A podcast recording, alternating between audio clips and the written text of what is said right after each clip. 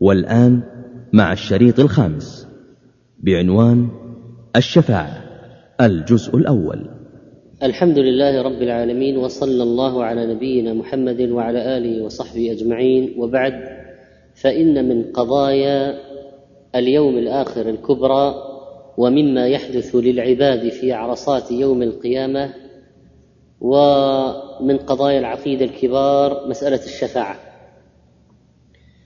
والشفاعة في اللغة الطلب الشافع الطالب لغيره يتشفع به إلى المطلوب. واسم الطالب شفيع. شفع لي فلان إلى فلان شفاعة طلبه إليه في قضاء حاجته.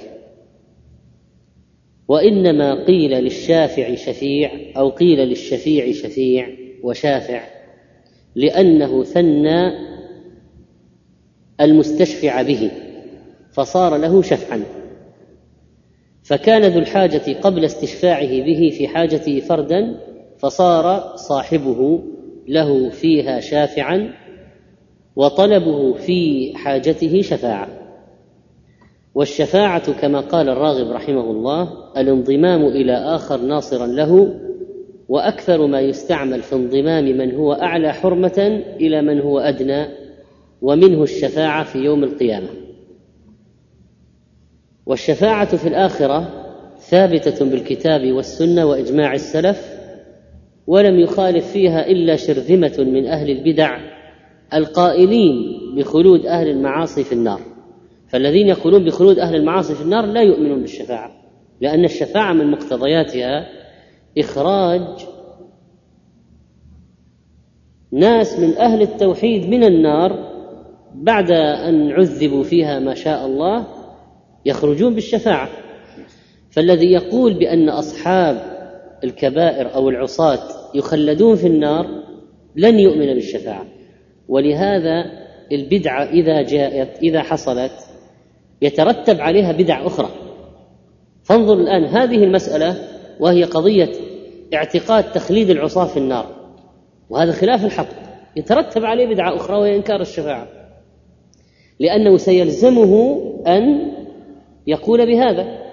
والشفاعة ثابتة في الكتاب والسنة وإجماع الأمة وإنما خالف في بعض أنواعها أهل البدع القائلين بخلود أهل المعاصي في النار.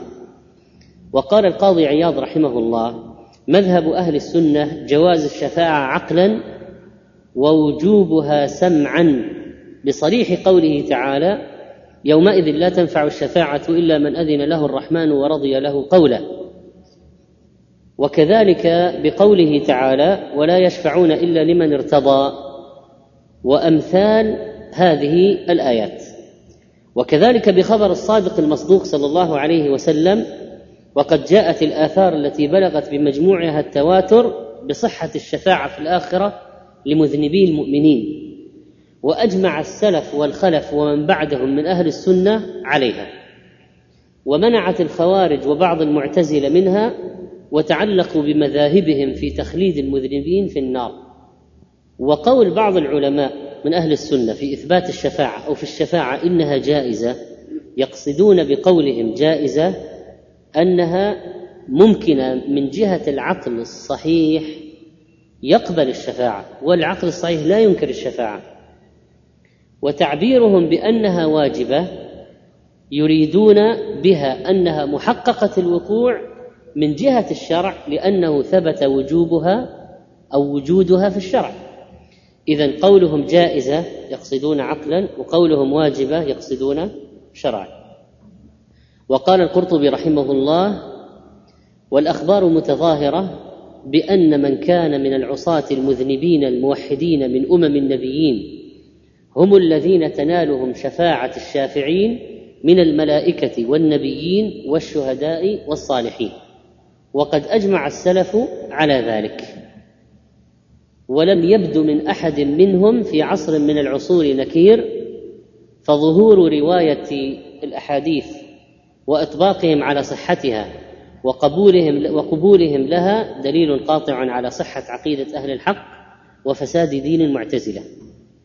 ومقام الشفاعة هو المقام المحمود الذي وعد الله تعالى نبيه محمدا صلى الله عليه وسلم بأن يبعثه إياه يوم القيامة كما قال عز وجل ومن الليل فتهجد به نافلة لك عسى أن يبعثك ربك مقاما محمودا.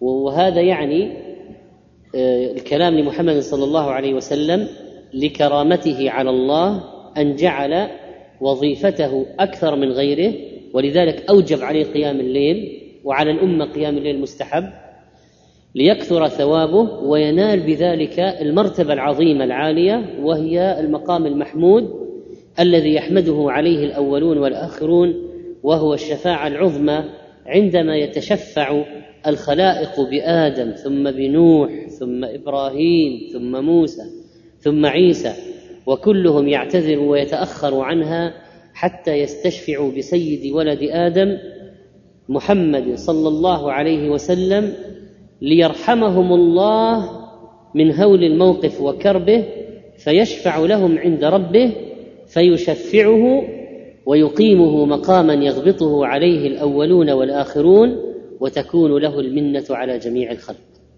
قال الطبري رحمه الله في قوله تعالى عسى أن يبعثك ربك مقاما محمودا وتأويل الكلام أقم الصلاة المفروضة يا محمد في هذه الأوقات التي أمرتك بإقامتها فيها ومن الليل فتهجد فرضا فرضته عليك لعل ربك أن يبعثك يوم القيامة مقاما تقوم فيه محمودا تغبط فيه. ثم اختلف أهل التأويل في معنى ذلك المقام المحمود فقال أكثر أهل العلم ذلك هو المقام الذي هو يقومه يوم القيامة للشفاعة للناس ليريحهم ربهم من عظيم ما هم فيه من شدة ذلك اليوم. انتهى كلامه رحمه الله. وقد روى البخاري رحمه الله تعالى عن عبد الله بن عمر رضي الله عنهما قال قال النبي صلى الله عليه وسلم إن الشمس تدنو يوم القيامة حتى يبلغ العرق نصف الأذن فبينما هم كذلك استغاثوا بآدم ثم بموسى ثم بمحمد صلى الله عليه وسلم فيشفع ليقضى بين الخلق فيمشي حتى يأخذ بحلقة الباب فيومئذ يبعثه الله مقاما محمودا يحمده أهل الجمع كلهم. وقد ثبت بيان أن هذا المقام المحمود الذي يحمد الخلق نبينا صلى الله عليه وسلم عليه هو مقام الشفاعة. فروى البخاري رحمه الله من حديث أبي سعيد الخدري رضي الله عنه عن النبي صلى الله عليه وسلم فيدعني ما شاء الله أن يدعني. ثم يقول ارفع يا محمد. وقل يسمع. واشفع تشفع. وسل تعطه. قال فأرفع رأسي فأثني على ربي بثناء وتحميد يعلمنيه قال ثم أشفع فيحد لي حدا فأخرج فأدخلهم الجنة. قال قتادة وقد سمعته يقول فأخرج فأخرجهم من النار وأدخلهم الجنة حتى ما يبقى في النار إلا من حبسه القرآن. أي وجب عليه الخلود قال ثم تلا هذه الآية عسى أن يبعثك ربك مقاما محمودا. قال وهذا المقام المحمود الذي وعده نبيكم صلى الله عليه وسلم. طيب من الذين حبسهم القرآن؟ من الذي وجب عليه الخلود؟ أهل الشرك. أهل الشرك والكفار هذول حبسهم القرآن لأنهم لا يخرجون من النار. وما هم منها؟ بمخرجين. طيب بقية العصاة وأهل الكبائر والمذنبين هؤلاء يعذبون ما شاء الله أن يعذبوا. كل واحد على حسب كبائره وأعماله وذنوبه ثم يخرجون يوما من الدهر يوما من الأيام يخرجون من النار. فإخراجهم من النار بشفاعة محمد صلى الله عليه وسلم وهناك أناس يخرجهم رب العالمين تفضلا منه. بعد أن يشفع كل الناس كل الشافعين يشفعون وشفع الأنبياء وشفعت الملائكة وشفع المؤمنون فبقيت رحمة أرحم الراحمين. وفي الترمذي والمسند عن أبي هريرة قال قال رسول الله صلى الله عليه وسلم في قوله عسى أن يبعثك ربك مقاما محمودا سئل عنها قال هي الشفاعة رواه الترمذي وهو حديث صحيح. وكذلك جاء في المسند عن أبي هريرة قال رسول الله صلى الله عليه وسلم المقام المحمود الشفاعة وهو حديث صحيح.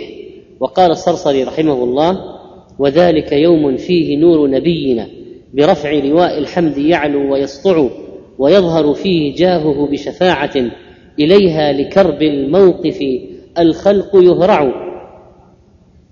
وقد نبه الحافظ بن حجر رحمه الله على حديث رواه النسائي بإسناد صحيح عن حذيفة قال يجتمع الناس في صعيد واحد فأول مدعو محمد فيقول لبيك وسعديك والخير في يديك والشر ليس إليك المهدي من هديت.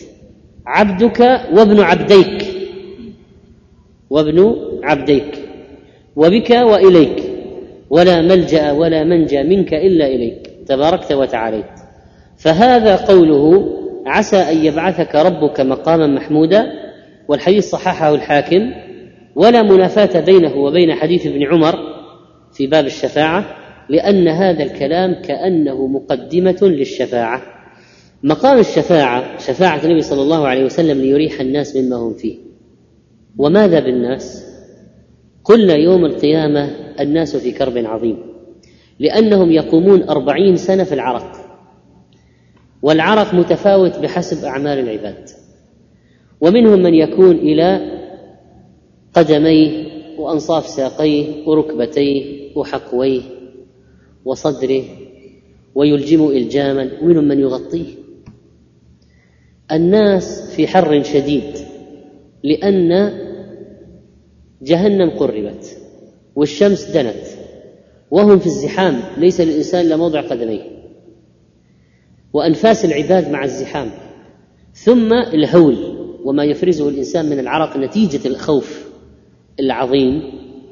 هذا الموقف الناس يريدون الفكاك منه بأي طريقة. فيسألون يطوفون على الأنبياء يسألونهم واحدا واحدا ألا ترون ما قد بلغنا؟ ألا ترون ما نحن فيه؟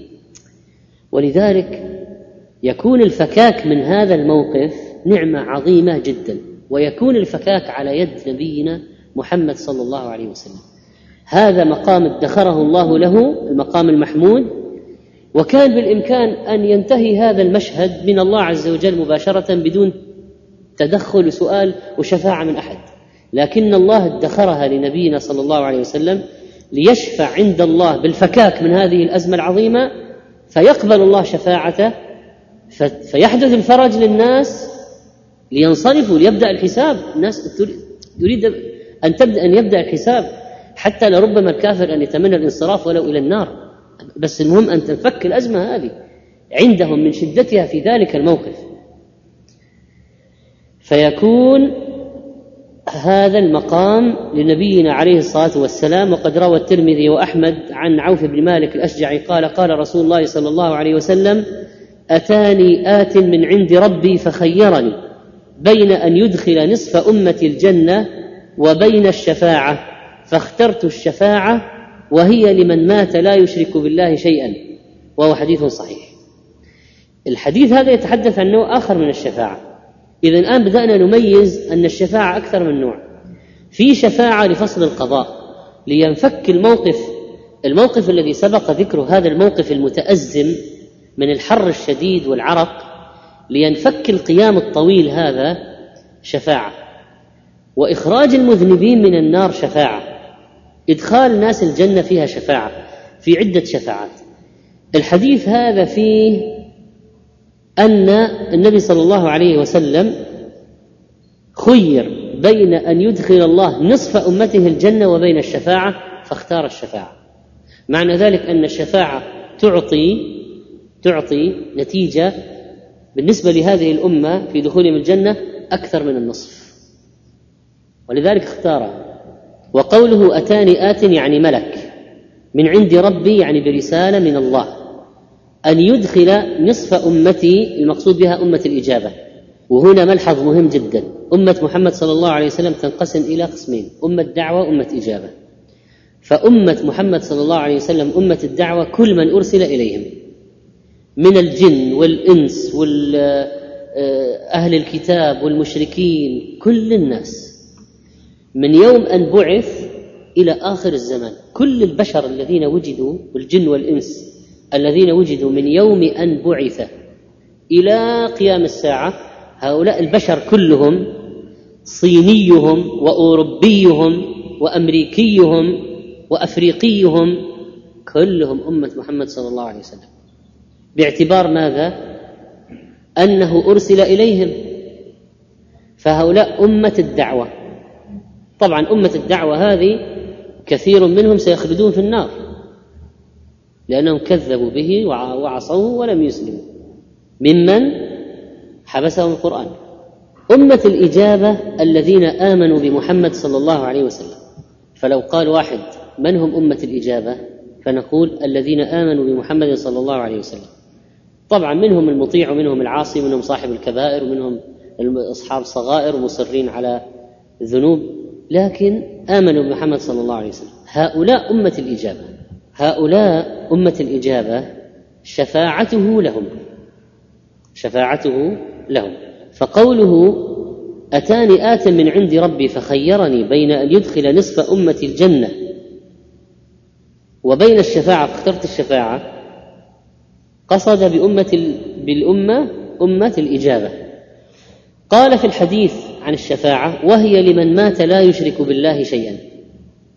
وفي رواية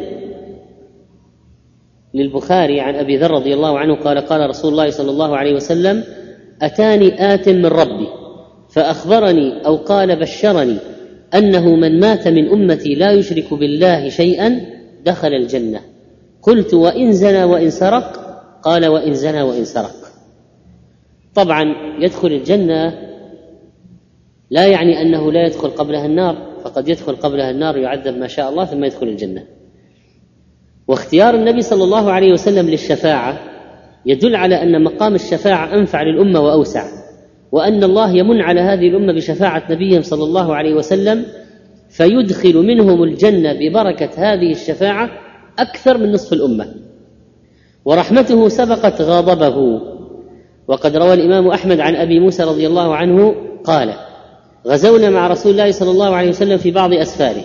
فعرس بنا يعني نزل بنا للراحة والنوم. رسول الله صلى الله عليه وسلم فانتهيت بعض الليل إلى مناخ رسول الله صلى الله عليه وسلم أطلبه فلم أجده. قال فخرجت بارزا أطلبه وإذا رجل من أصحاب رسول الله صلى الله عليه وسلم يطلب ما أطلب.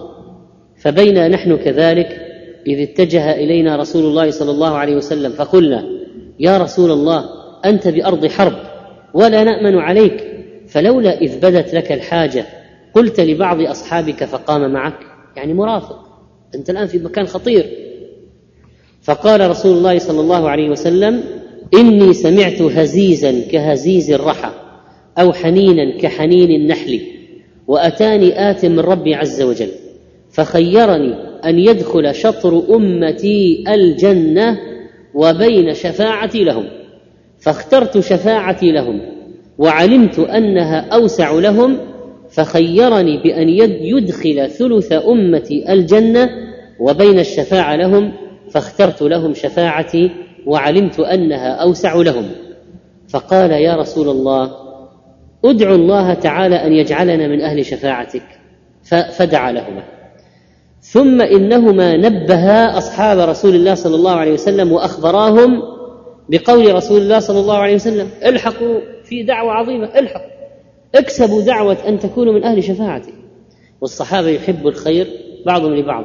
وما يقول واحد خلاص أخذنا داد اخذ دعوة بالشفاعة والناس كلهم في ارحمني ومحمدا ولا ترحم معنا أحدا. هذا فعل جهلاء الأعراب. الصحابة يحب الخير بعضهم لبعض. ولذلك ذهبوا يقولون الحقوا.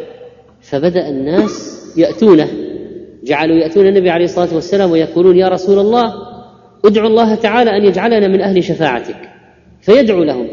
فلما أضب عليه القوم كثروا. قال رسول الله صلى الله عليه وسلم إنها لمن مات وهو يشهد أن لا إله إلا الله. الحديث له شواهد واصله ثابت في حديث أبي حديث أبي موسى وصححه الألباني. على أي حال الشفاعة لأهل التوحيد حق. يعني كل واحد ما عنده شرك موحد وهذا من فضل التوحيد وأن الإنسان ينقي نفسه من أنواع الشرك الخفي الأكبر الأصغر ينقي نفسه من الشرك تماما حتى يكون من الذين تنالهم الشفاعة. وإنما كان اختيار الشفاعة أنفع للأمة لأنها تنال كل من مات على التوحيد من أمته صلى الله عليه وسلم. وهذا أكثر من نصف الأمة والحمد لله.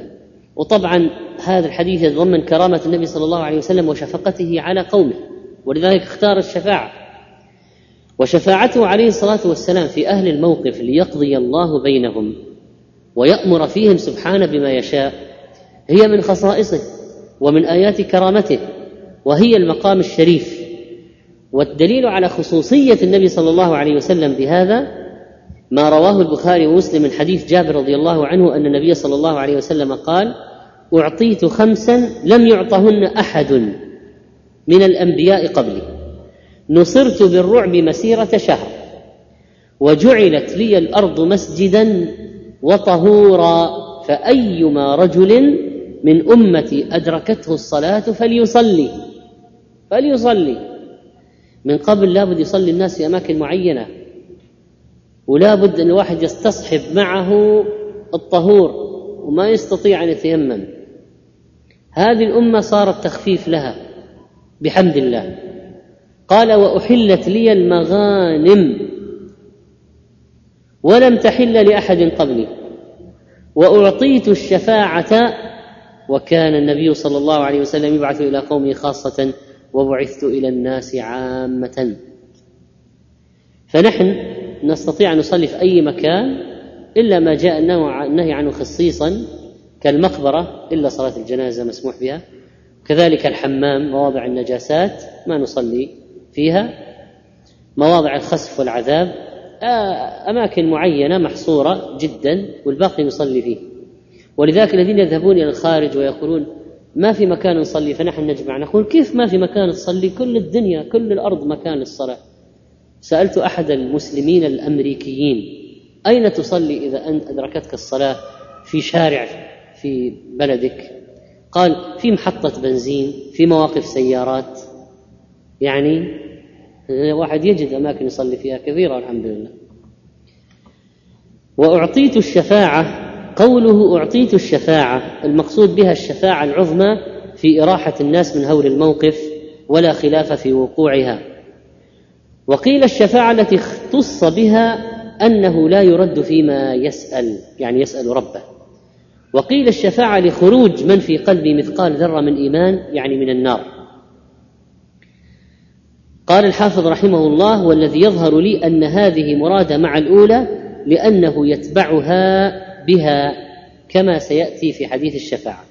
اذا الفكاك من موقف وإخراج الموحدين من النار. هذا هاتان الشفاعتان أعظم شفاعات النبي صلى الله عليه وسلم.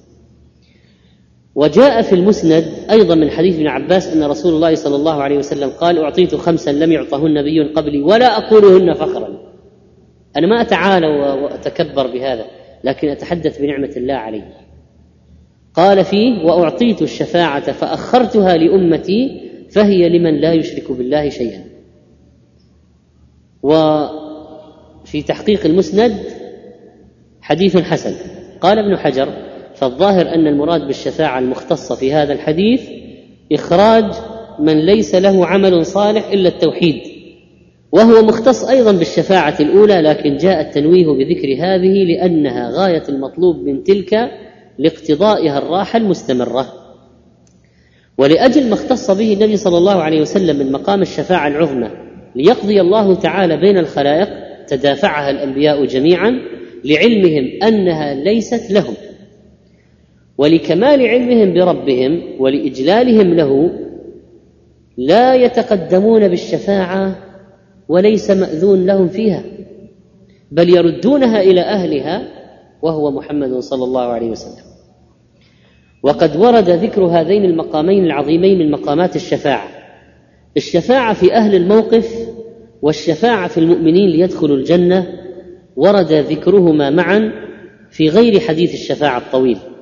فقد روى البخاري في صحيحه عن أبي هريرة رضي الله عنه أن رسول الله صلى الله عليه وسلم أتي بلحم فرفع إليه الذراع وكان يحب الذراع أحب ما في الشاة إليه الذراع وكانت تعجبه فنهش أو نهس منها نهشة ثم قال أنا سيد الناس يوم القيامة.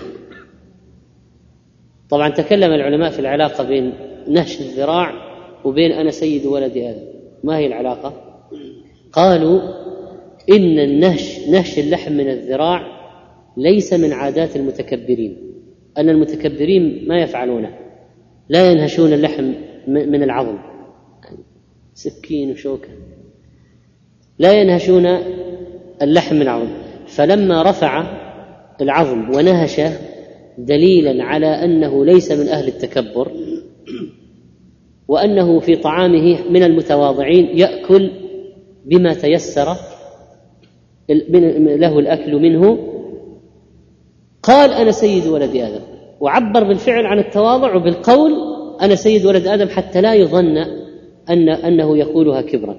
فقال الكلمة أنا سيد ولد آدم في هذا الموضع أنا لما نهش من اللحم حتى يبعد عن الذهن أنه ان المقصود بها فخر أو خيلاء أو كبر. فقال أنا سيد ولد آدم يعني ولا فخر وهذا فعلي فعل المتواضعين. آكل وليس كفعل المت... آكل آه، على أو مثل ما يأكل الناس. متواضعا في الأكل ويأكل من من العظم. وما المانع أن يأكل اللحم عن العظم أو ينهشه بأسنانه عن العظم؟ قال أنا سيد الناس يوم القيامة وهل تدرون مما ذلك؟ يجمع الله الناس الأولين والآخرين في صعيد واحد. يسمعهم الداعي وينفذهم البصر. وتدنو الشمس فيبلغ الناس من الغم والكرب ما لا يطيقون ولا يحتملون. فيقول الناس يعني يقول الناس بعضهم لبعض يوم القيامة ألا ترون ما قد بلغكم؟ ألا تنظرون من يشفع لكم إلى ربكم؟ فيقول بعض الناس لبعض عليكم بآدم فيأتون آدم عليه السلام فيقولون له أنت أبو البشر. يقول لآدم أنت أبونا. خلقك الله بيده ونفخ فيك من روحه وأمر الملائكة فسجدوا لك. اشفع لنا إلى ربك. ألا ترى إلى ما نحن فيه؟ ألا ترى إلى ما قد بلغنا؟ فيقول آدم إن ربي قد غضب اليوم غضبا لم يغضب قبله مثله ولن يغضب بعده مثله. هذه غضبة الله يوم القيامة ما لها مثيل. ولذلك حتى الرسل يقولون نفسي نفسي اللهم سلم سلم. حتى الرسل. وجلا من غضب الجبار في ذلك اليوم لأنه يوم يوم الانتقام. ينتقم الله فيه من من الكفرة والمجرمين والظلمة والمتكبرين. فلذلك هذا اليوم الذي خوف الله وأنذرهم أنذر الأمم المكذبة كلها هذه والتي أهلكت في الدنيا. الرسل كانت تنذر أقوامها هذا اليوم وكانت الأمم تستهزئ وتقول هات العذاب هات العذاب إن كنت صادقا هات العذاب.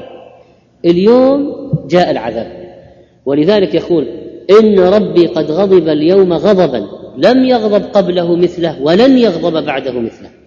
فقال آدم يقول آدم اذهبوا إلى غيري اذهبوا إلى نوح. فيأتون نوحا فيقولون يا نوح إنك أنت أول الرسل إلى أهل الأرض وقد سماك الله عبدا شكورا. اشفع لنا إلى ربك ألا ترى إلى ما نحن فيه؟ فيقول إن ربي عز وجل قد غضب اليوم غضبا لم يغضب قبله مثله ولن يغضب بعده مثله.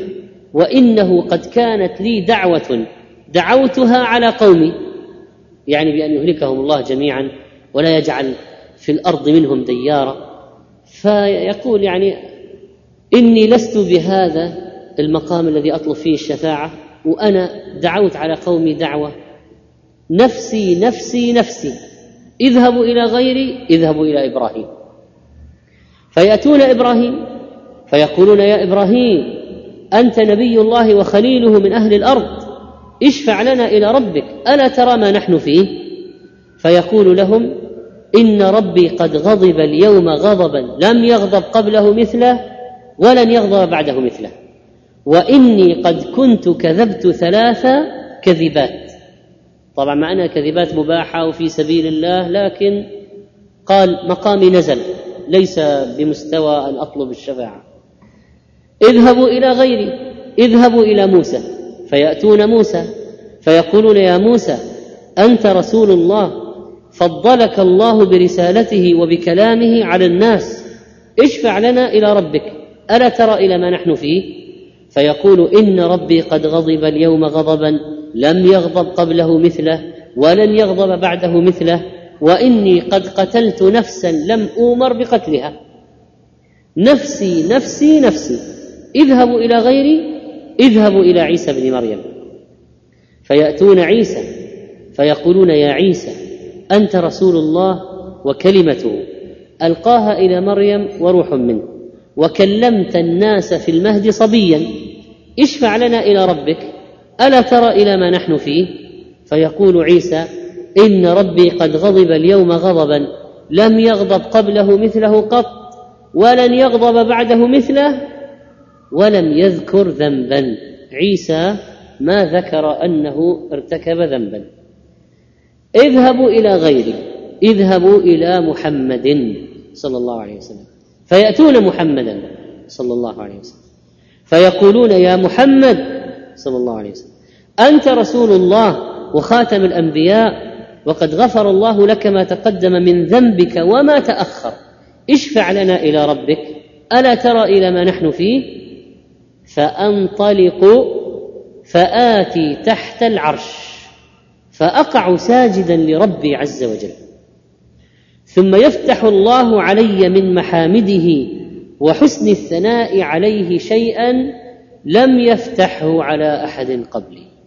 يعني نحن نعرف الآن مثلا سبحان الله والحمد لله ولا إله إلا الله والله أكبر وسبحان الله عدد خلقه ورضا نفسه وزنة عرشه ومداد كلماته هناك محامد كثيرة وأذكار لكن هذا المقام الله عز وجل يعلم نبيه محامد ما يعرفها أحد ولا خطرت على بال أحد ولا سبق أن قالها أحد.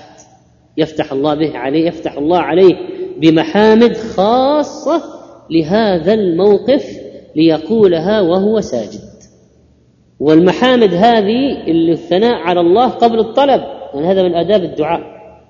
فيعلم ثناءات ومحامد يحمد بها ربه ويثني بها عليه قبل أن يطلب الشفاعة ثم يطلب الشفاعة. حمد قبل الطلب. هذه من أداب الدعاء. فلا يزال النبي عليه الصلاة والسلام ساجدا. يقول المحامد يقول المحامد قبل أن يطلب طلب واحد قبل أن يطلب طلبا واحدا. لا زال يحمد يحمد يحمد. بما علمه الله من هذه المحامد وهو ساجد. إلى أن يشاء الله ويقول يا محمد ارفع رأسك. ارفع رأسك. بلغ الثناء الذي يريده الله منه في هذا الموضع. ارفع رأسك. سل تعطه واشفع تشفع. إذا الآن أذن له. الآن يبدأ الطلب. قبل كلها محامد. وهو ساجد ما في سؤال. محامد. فأرفع رأسي فأقول أمتي يا رب أمتي يا رب أمتي يا رب. لقد جاءكم رسول من أنفسكم عزيز عليه ما عنتم. العنت والمشقة والشدة شدتكم يعني شديدة عليه أيضا ويريد أن يريحكم حريص عليكم. فيقال يا محمد أدخل من أمتك من للتبعيض من أمتك من لا حساب عليهم من الباب الأيمن من أبواب الجنة. وهم شركاء الناس فيما سوى ذلك من الأبواب. اذا الباب الأيمن هذا مخصص لأمة محمد صلى الله عليه وسلم وندخل من الأبواب الأخرى مع بقية الأمم. من الموحدين الذين يدخلون الجنة الطائفة الأولى الذين لا حساب عليهم. أول ناس يدخلون الجنة الدفعة الأولى. ثم قال والذي نفسي بيده إنما بين المصراعين من مصاريع الجنة كما بين مكة وحمير. حمير وين؟ باليمن. ومكة في الحجاز. وكم المسافة بينهما؟ كم كيلو؟ هذا عرض باب واحد من أبواب الجنة. أو قال كما بين مكة وبصرى. بصرى في الشام. ومكة في الحجاز. كم المسافة بينهما؟ عرض باب من أبواب الجنة. ومع ذلك يجي يوم الباب وهو كضيض من الزحام. زحمة من كثرة الداخلين. طبعا هذا من سعه رحمة رب العالمين. لكن الدفعة الأولى هذه الذين لا حساب عليهم والذين يدخلون من باب الأيمن من أبواب الجنة يدخلون بشفاعة محمد صلى الله عليه وسلم. حتى الذين لا حساب عليهم. حتى الذين لا حساب عليهم. وهذا من ارتفاع منزلته عند ربه. وقول عليه الصلاة والسلام أنا سيد الناس يوم القيامة أنا سيد ولد آدم يوم القيامة ولا فخر وأنا أول من تنشق عنه الأرض ولا فخر وبيدي لواء الحمد ولا فخر آدم فمن دونه تحت لوائي ولا فخر. لا أقولها فخرا وكبرا. هذه نعمة ربي علي قال النووي رحمه الله إنما قال هذا صلى الله عليه وسلم تحدثا بنعمة الله وقد أمر الله تعالى بهذا ومعرفتنا بحق نبينا صلى الله عليه وسلم معرفتنا بحقه مهمة. قال القاضي رحمه الله قيل السيد الذي يفوق قومه ويفزع إليه في الشدائد. والنبي صلى الله عليه وسلم سيد ولد آدم في الدنيا والآخرة. فالآن سيد قبيلة كذا وسيد بني فلان هذا الذي يفزعون إليه إذا صارت شدة. فالنبي عليه الصلاة والسلام سيد ولد آدم.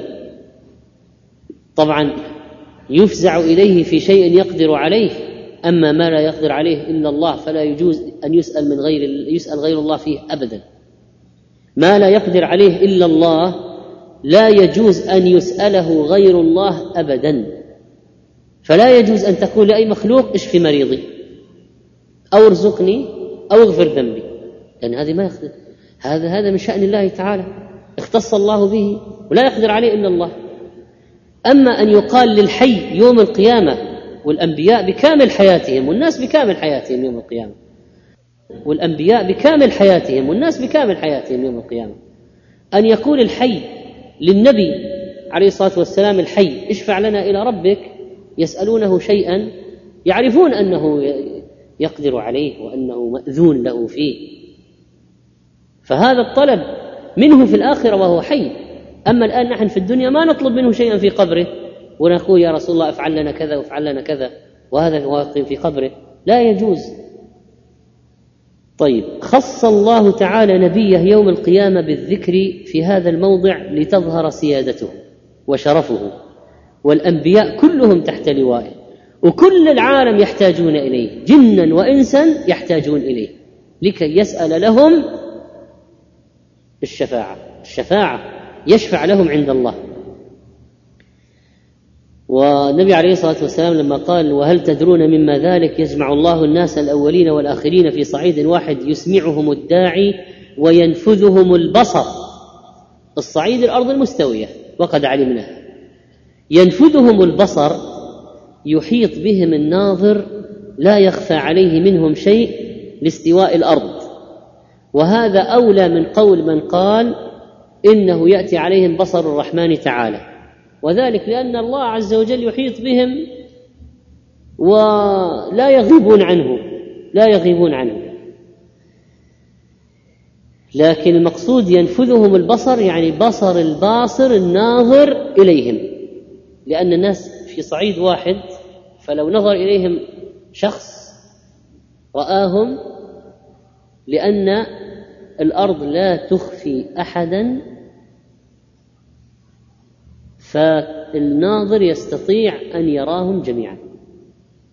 فلذلك قال يجمع الله الناس الأولين والآخرين في صعيد واحد يسمعهم الداعي وينفذهم البصر. طيب وتدنو الشمس فيبلغ الناس من الغم والكرب ما لا يطيقون ولا يحتملون. هذا الحديث ما لا يطيقون ولا يحتملون. وفي رواية إسحاق وتدنو الشمس من رؤوسهم فيشتد عليهم حرها ويشق عليهم دنوها فينطلقون من الضجر والجزع مما هم فيه. وفي صحيح مسلم فيقوم المؤمنون حتى تزلف لهم الجنة فيأتون آدم. وفي الترمذي فيفزع الناس ثلاث فزعات فيأتون آدم. قال القرطبي يعني في الثلاث فزعات هذه كأن ذلك يقع إذا جيء بجهنم فإذا زفرت فزع الناس حينئذ وجثوا على ركبهم. إذا زفرت سمعوا لها تغيظا وزفيرا. إذا زفرت خلاص اسقط في أيدي الناس. وجثوا على الركب من هول الموقف. فقد اجتمع على أهل الموقف كرب القيامة وشدته ودنو الشمس من الرؤوس ثم يزيد الأمر تقريب جهنم إلى الكفار والفجار وتقريب الجنة للمتقين فالمؤمنين يريدون أيضا الخلاص من الموقف لأنهم يشتاقون الآن إلى الجنة لأنهم يشتاقون إلى الجنة حتى لو كانوا في الظل حتى لو كانوا في الظل فيريدون انتهاء الموقف هذا حتى وأزلفت الجنة للمتقين شوقا إليها. وأما الجحيم فقد قال الله تعالى وبرزت الجحيم للغاوين. قال في الحديث فيقول الناس ألا ترون ما قد بلغكم؟ ألا تنظرون من يشفع لكم إلى ربكم؟ وفي الصحيحين من حديث أنس يقولون لو استشفعنا على ربنا حتى يريحنا. وفي حديث مسعود عند ابن حبان إن الرجل ليلجمه العرق يوم القيامة حتى يقول يا رب أرحني ولو إلى النار. لكن هذه الرواية فيها ضعف. لكن بعض العلماء ذكر هذا قال إن الكفار يتمنون في ذلك الموقف أن ينفكوا لو إلى النار لأن ما الذي لا يطيق شيئا لا يأبه ولا يفكر كثيرا بما بعده يعني من من الهول الذي هو فيه. فيقول بعض الناس لبعض عليكم بآدم فيأتون آدم عليه السلام فيقولون له يا آدم أنت أبو البشر خلقك الله بيده ونفخ فيك من روحه وأمر الملائكة فسجدوا لك وأسكنك الجنة. اشفع لنا إلى ربك ألا ترى إلى ما نحن فيه ألا ترى إلى ما قد بلغنا. وجاء في المسند اشفع لنا إلى ربك فليقضي بيننا. وفي رواية لمسلم فيقولون يا أبانا استفتح لنا الجنة. طيب كيف؟ يعني بعض الناس يسألون الفكك من الموقف بعضهم يقولون استفتح لنا الجنة. فلعل ذلك باختلاف أحوال الناس. فالمؤمنون إذا رأوا الجنة أزلفت اشتاقوا إليها. فيكون همهم الآن انتهاء من هذا الموقف لكي يدخلوها. والناس الآخرين يعني همهم الآن نفك الموقف هذا الشدة. ولو ولو بإفنائهم وأن يكونوا ترابا.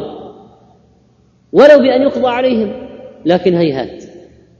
وفي المسند عن أنس قال حدثني نبي الله صلى الله عليه وسلم إني لقائم أنتظر أمتي تعبر على الصراط. إذ جاءني عيسى فقال هذه الأنبياء قد جاءتك يا محمد يسألون. أو قال يجتمعون إليك ويدعون الله عز وجل أن يفرق جمع الأمم إلى حيث يشاء الله لغم ما هم فيه. والخلق ملجمون في العرق وأما المؤمن فهو عليه كالزكمة. وأما الكافر فيتغشاه الموت. يعني ذلك الموقف الشديد اللي ذكرناه ووصفناه الآن على المؤمن كالزكمة. هكذا ورد في الحديث وصححه الألباني وحديث في مسند أحمد. والكافر كأنما يتغشاه الموت. فيقول آدم إن ربي قد غضب اليوم غضبا لم يغضب قبله مثله. وسنتابع الحديث بعد الأذان إن شاء الله. فيقول آدم إن ربي قد غضب اليوم غضبا لم يغضب قبله مثله ولن يغضب بعده مثله وإنه قد نهاني عن الشجرة فعصيته. نفسي نفسي نفسي. وفي رواية لمسلم وهل أخرجكم من الجنة إلا خطيئة أبيكم آدم؟ وفي الصحيحين ويذكر ذنبه فيستحيي من ربه. وفيهما أيضا ولست هناكم. كناية على أن منزلته دون المنزلة المطلوبة فيقول ذلك تواضعا لله واكبارا لما يسألونه. اذهبوا إلى نوح. نوح عليه السلام يقولون له أنت أول رسول بعثه الله إلى أهل الأرض. وآدم يقول لهم اذهبوا إلى أبيكم بعد أبيكم نوح لأن كل البشرية بعد نوح من ذرية نوح. يعني الذين كانوا مع نوح ما, ما عاش لهم ذرية. لأن الله قال وجعلنا ذريته هم الباقين. فنوح أبو البشرية الثاني. ولذلك آدم لما يصرفهم عنه يقول اذهبوا إلى أبيكم بعد أبيكم. نوح. ائتوا عبدا شاكرا. لأن الله أخبر عن شكره لربه. وصححه الألباني في تخريج السنة. وقال الله سبحانه وتعالى عن نوح ذرية من حملنا مع نوح إنه كان عبدا شكورا. وكون نوح أول الرسل آدم أول نبي. لكن نوح أول رسول لأنه ما حصل شرك قبل نوح. حصل الشرك في قوم نوح. فكان أول رسول من الله للبشرية لإنقاذهم من الشرك الذي وقعوا فيه هو نوح عليه السلام. فآدم أرسل إلى بنيه. أما نوح أرسل إلى أهل الأرض في ذلك الوقت الذين وقعوا في الشرك وكان قبل قبله عشرة قرون كلهم على التوحيد كما قال ابن عباس رضي الله عنه. كان بين آدم ونوح عشرة قرون كلهم على التوحيد. ثم حدث الشرك أول شرك وانحراف في البشرية في قوم نوح فأرسل الله إليهم أول رسول وهو نوح عليه السلام. ورسالة آدم كانت إلى بنيه وهم موحدون ليعلمهم شريعته. يعني حتى الأخ الذي قتل أخاه من ابني آدم كان موحدا. ونوح كانت رسالته إلى قوم كفار يدعوهم إلى التوحيد. لما يأتون نوحا ويقولون يا نوح إنك أنت أول رسل إلى أهل الأرض وقد سماك الله عبدا شكورا اشفع لنا إلى ربك. فنوح يقول كما قال آدم ويقول قد كانت لي دعوة دعوتها على قومي. طبعا الدعوة التي دعا على قومه صحيحة وأصلا الله عز وجل أخبره إنه لن يؤمن من قومك إلا من قد آمن. فإذا دعا على الباقين فدعاء عليهم صحيح. رب لا تذر على الأرض من الكافرين ديارا وهو يرى بعينيه عاش ألف سنة إلا خمسين عاما فيهم. ما ما يخرج جيل إلا أسوأ من الجيل الذي قبله. ولذلك قال ولا يلد إلا فاجرا كفارا. ما في فائدة. فنوح يخشى أن الدعوة المستجابة قد حصلت له. فهو الآن ليس بأهل أن يطلب دعوة من هذا النوع وليست بمقدوره. وأن دعوته ذهبت في قومه واستوفاها بدعائه عليه. عندما يأتون إبراهيم ويقولون يا إبراهيم أنت نبي الله وخليل من أهل الأرض اشفع لنا إلى ربك. ويقول لهم إني كذبت ثلاث كذبات. الكذبة في اللغة أن تقول ما لا يعتقده السامع ولكن إذا حققت ما فعله إبراهيم عليه السلام وجدنا أنها من المعاريض وهو معذور فيها تماما. يأتون موسى يقولون له فيقول قتلت نفسا لم أمر بقتلها. وفي رواية لمسلم ويذكر خطيئته التي أصاب فيستحيي ربه منها. فيقول اذهبوا إلى غيري اذهبوا إلى عيسى بن مريم. عيسى لا يذكر ذنبا لكنه يقول أيضا كما ورد في المسند إنه لا يهمني اليوم إلا نفسي. ثم قال أرأيتم لو كان متاع في وعاء قد ختم عليه؟ الآن عيسى يتكلم يقول لهم أرأيتم لو كان متاع في وعاء قد ختم عليه؟ أكان يقدر على ما في الوعاء حتى يفضل خاتم؟ ممكن تطلع من من جوا الوعاء بدون أن تكسر الختم؟ قالوا لا. فيقول إن محمدا صلى الله عليه وسلم خاتم النبيين قد حضر اليوم وقد غفر له ما تقدم من ذنبه وما تأخر. الحديث في مسند أحمد قال محققو طبع الدار الرسالة حسنا لغيره يقول حافظ رحمه الله ويستفاد من قول عيسى في حق نبينا صلى الله عليه وسلم هذا ومن قول موسى فيما تقدم إني قتلت نفسا بغير نفس وإن يغفر لي اليوم حسبي حسبي أن يغفر لي النفس التي قتلتها مع أنه قتل كافرا يعني لكن هذا من خشية الأنبياء لربهم. والله عز وجل غفر غفر له غفر له ما حصل منه. موسى مع وقوع المغفرة لم يرتفع إشفاقه من المؤاخذة ورأى في نفسه تقصيرا عن مقام الشفاعة. أما النبي صلى الله عليه وسلم فقد غفر له ما تقدم من ذنبه وما تأخر. ولذلك ولذلك معناه في حق نبينا أن عنده خبر من الله أن الله لن يؤاخذه بذنب. لا يؤاخذه بذنب لو وقع منه. يأتون محمدا صلى الله عليه وسلم يقولون أنت رسول الله وخاتم الأنبياء وقد غفر الله لك ما تقدم من ذنبك وما تأخر اشفع لنا إلى ربك. في رواية أنس في المسند إني لقائم أنتظر أمتي تعبر الصراط.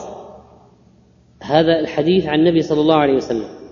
إذ جاءني عيسى فقال هذه الأنبياء قد جاءتك يا محمد يسألون أو قال يجتمعون إليك ويدعون الله عز وجل أن يفرق جمع الأمم إلى حيث يشاء الله. يعني إلى الجنة أو إلى النار أخلص من الموقف. قال لعيسى انتظر حتى أرجع إليك. فذهب نبي الله صلى الله عليه وسلم حتى قام تحت العرش فلقي ما لم يلق ملك مصطفى ولا نبي مرسل فأوحى الله عز وجل إلى جبريل اذهب إلى محمد فقل له ارفع رأسك سل تعطى.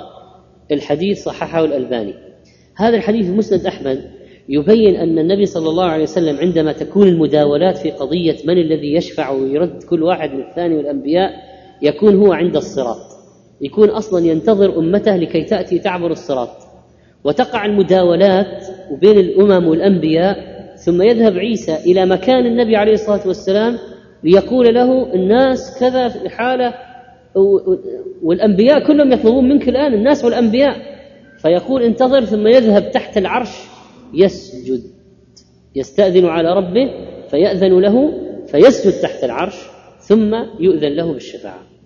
في صحيح مسلم عن أبي بن كعب أن النبي صلى الله عليه وسلم قال له يا أبي أرسل إلي أن أقرأ القرآن على حرف فرددت إليه أن هون على أمتي فرد علي أو فرد إلي الثانية اقرأه على حرفين إلى أن قال اقرأه على سبعة أحرف. فلك بكل ردة رددتكها مسألة تسألنيها. فقلت اللهم اغفر لأمتي اللهم اغفر لأمتي. وأخرت الثالثه ليوم يرغب إلي الخلق كلهم حتى إبراهيم صلى الله عليه وسلم. حتى إبراهيم يطلب منه له طلب من محمد صلى الله عليه وسلم. فأنطلق فآتي تحت العرش. فأقع ساجدا لربي عز وجل الحديث.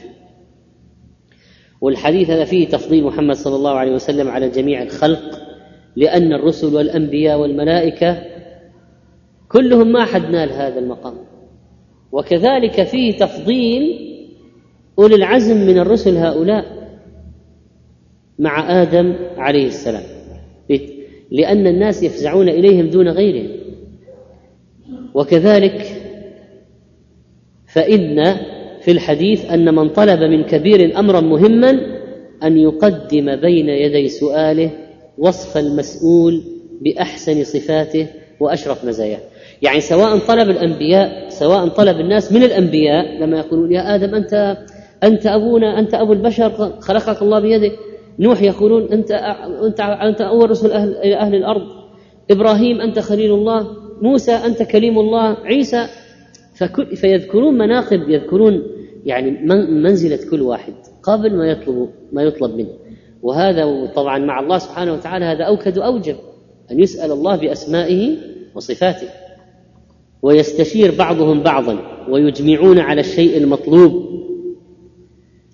ولعل الله تعالى جعلهم يترددون من نبي إلى نبي لاظهار فضل نبينا صلى الله عليه وسلم في النهاية. وقد كان بالإمكان أن يذهبوا إلى محمد صلى الله عليه وسلم مباشرة. لكن الله يجعل الناس يوم القيامة يعني يفكرون أول شيء في آدم. ثم آدم يردهم إلى من بعد إلى من بعد حتى يظهر فضله عليه الصلاة والسلام على سائر الناس. طيب إذا تعجيل الحساب وفك الناس من الموقف هذا مكسب عظيم يناله الناس بالشفاعة. وأما رواية المسند حديث إني لقائم أنتظر أمتي تعبر على الصراط إذ جاءني عيسى.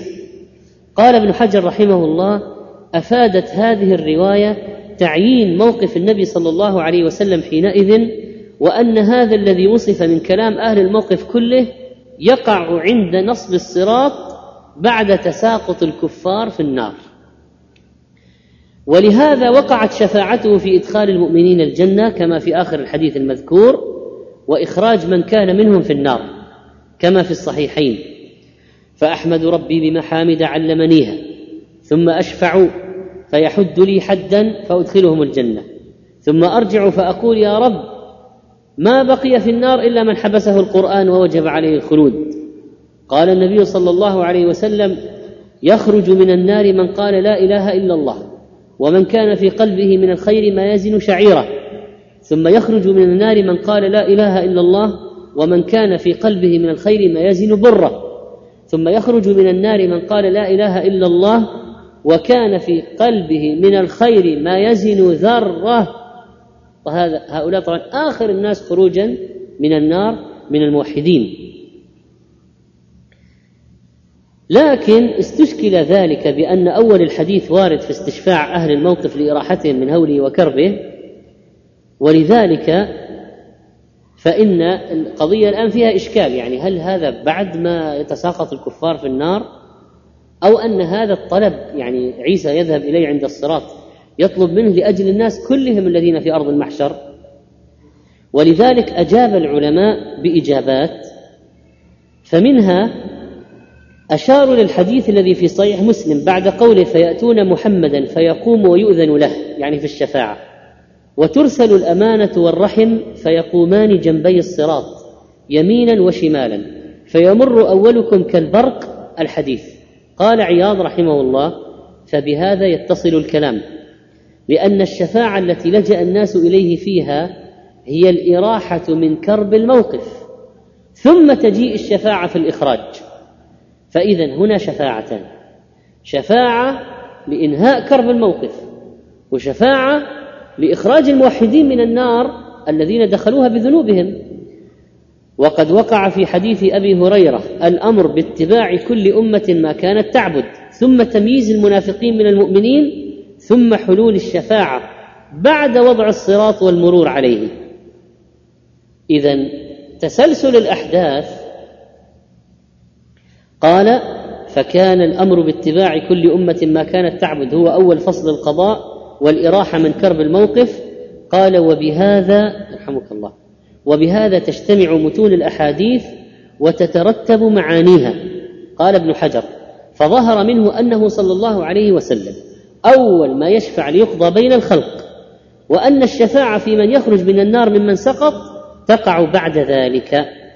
وقد وقع صريحا في البخاري من حديث ابن عمر إن الشمس تدنو يوم القيامة حتى يبلغ العرف نصف الأذن فبينما هم كذلك استغاثوا بآدم ثم بموسى ثم بمحمد صلى الله عليه وسلم وفي طريق عبد الله بن صالح فيشفع ليقضى بين الخلق فيمشي حتى يأخذ بحلقة الباب بحلقة الباب فيومئذ يبعثه الله مقاما محمودا يحمده أهل الجمع كله. طيب. اذا اولا الناس في كربات القيامة وفي الزحام والعرق والشدة. فيكون تكون الشفاعة لإنقاذهم لإنهاء هذا الموقف العصيب الذي يستمر أربعين سنة. طيب بعد ذلك ماذا سيحدث؟ يقال لتتبع كل أمة ما كانت تعبد. فيتبع الذين يعبدون الشمس الشمس ويتبع الذين يعبدون القمر القمر ويتبع الذين يعبدون الصليب الصليب. يقعون كلهم في النار كلهم. هم ومعبوداتهم. إنكم وما تعبدون من دون الله حصبوا جهنم. طيب. ثم ينصب الصراط على متن جهنم ويقال للأمم اعبروا.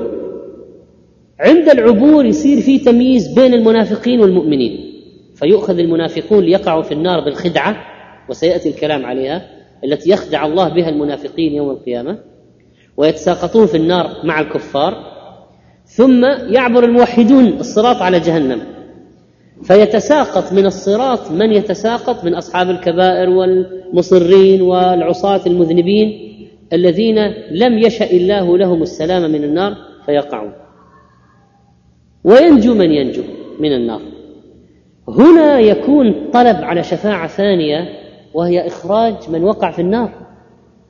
فتكون القضية الطلب الآن يكون من النبي عليه الصلاة والسلام بأن يخرج من وقع في النار من الموحدين. فهذه الشفاعة الأخرى. الآن اذا سنرتب الشفاعة أنواع الشفاعات يوم القيامة. لقد تضمنت النصوص الشرعية الواردة في القرآن والسنة عدة شفاعات النبي صلى الله عليه وسلم. وأيضا لغيره من الشفعاء. فالشفاعة الأولى في أهل الموقف أن يقضي الله بينهم ويريحهم من كربه وقد مر معنا ذلك ورغبة أهل الموقف والأنبياء. ثانيا الشفاعة في قوم من امته صلى الله عليه وسلم أن يدخلوا الجنة بغير حساب.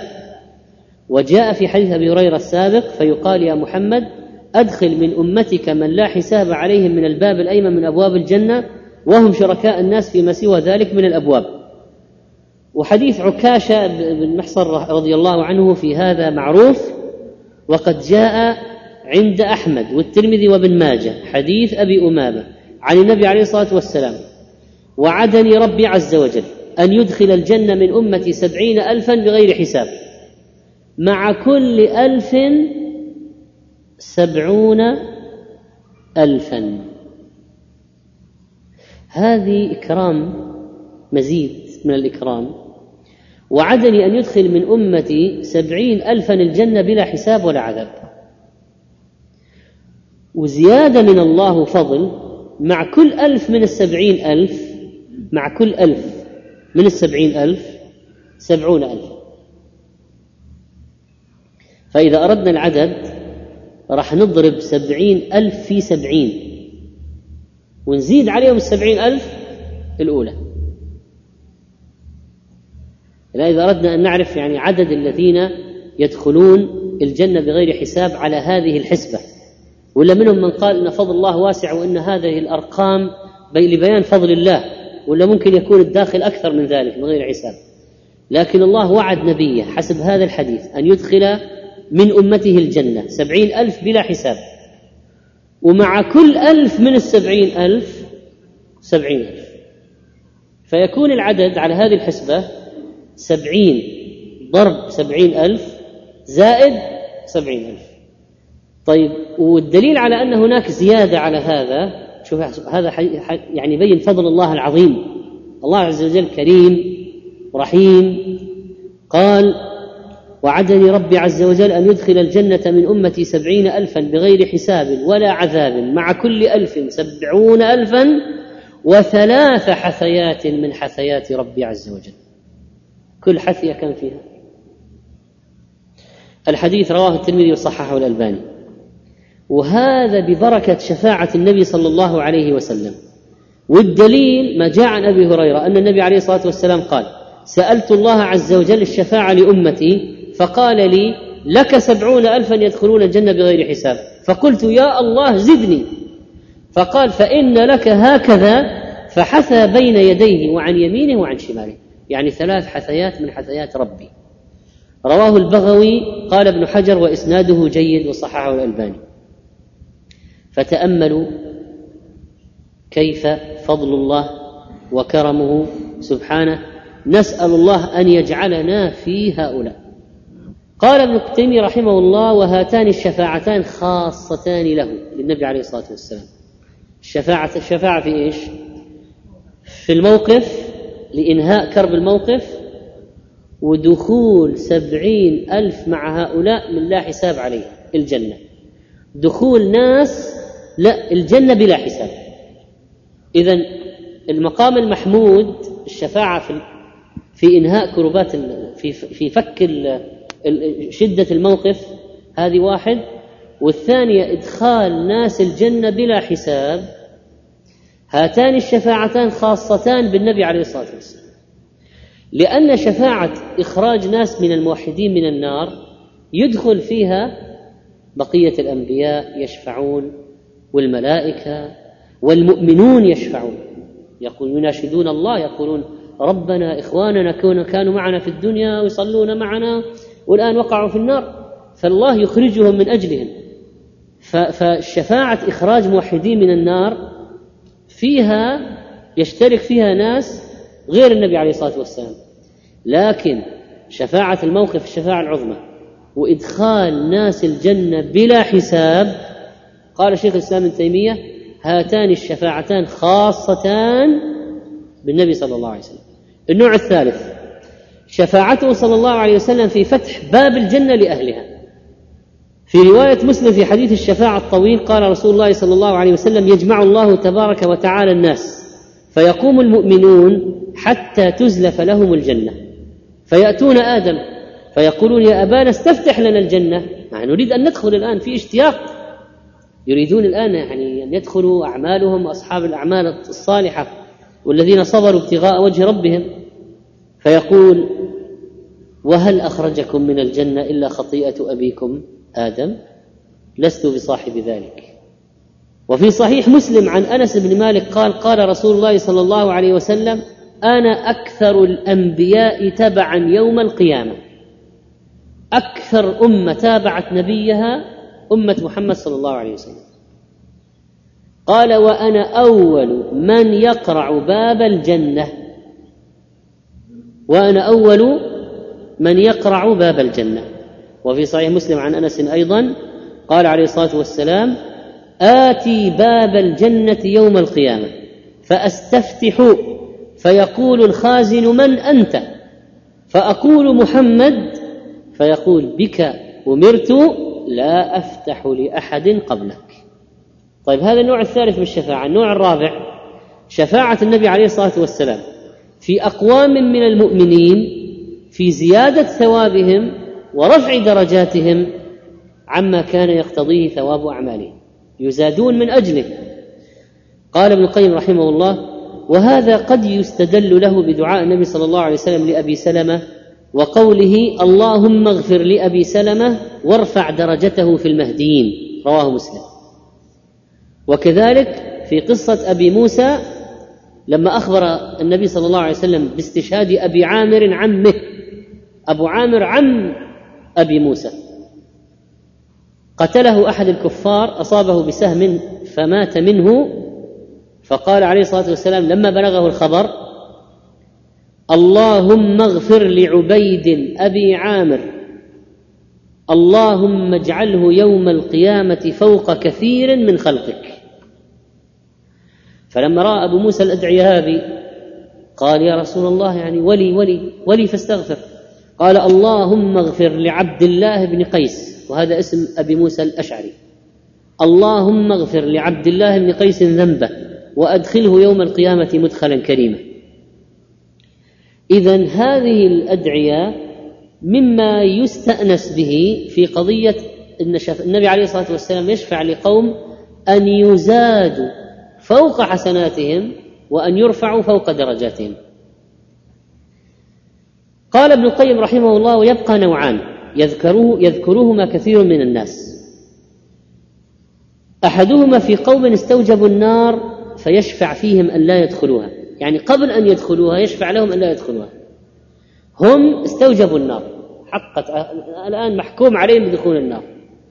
فيشفع لهم أن لا يدخلوها. هذه واحدة. والثانية شفاعته صلى الله عليه وسلم لقوم من المؤمنين في زيادة الثواب ورفعة الدرجات وقد مضى قبل قليل. وقد ذكر العلماء بعض العلماء هذا النوع من الشفاعة الخامسة للنبي صلى الله عليه وسلم في قوم استوجبوا النار فيشفع فيهم أن لا يدخلوها. وهذا قد جاء في حديث لكن في سنده شيء. ولذلك فإن الأمر فيه محتمل. يحتمل. الأمر يحتمل أن يكون كذلك. فورد فيه حديث عن عبد الله بن الحارث روى ابن أبي الدنيا في أن النبي صلى الله عليه وسلم يرى قوما قال ويبقى قوم يدخل فيدخلون النار فيعيرهم أهل النار فيقولون أنتم كنتم تعبدون الله ولا تشركون به أدخلكم النار فيحزنون لذلك فيبعث الله ملكا بكف من ماء فينضح بها في النار ويغبطهم أهل النار ثم يخرجون ويدخلون الجنة فيقال لهم انطلقوا ويسمون المحررين طبعا هذا الحديث إن قلنا في ثبوته شيء ولذلك فمن جهة الشفاعة لقوم استوجبوا النار أن لا يدخلوها تبقى المسألة فيها احتمال. لكن أن ناس دخلوا النار فيشفع لهم ليخرجوا منها هذا ثابت. هذا ثابت. والنبي عليه الصلاة والسلام قال شفاعتي لأهل الكبائر من أمتي. فالحديث هذا لوضع السيئات والعفو عن الكبائر والشفاعة التي تنجي الهالكين مختصة بأهل الكبائر.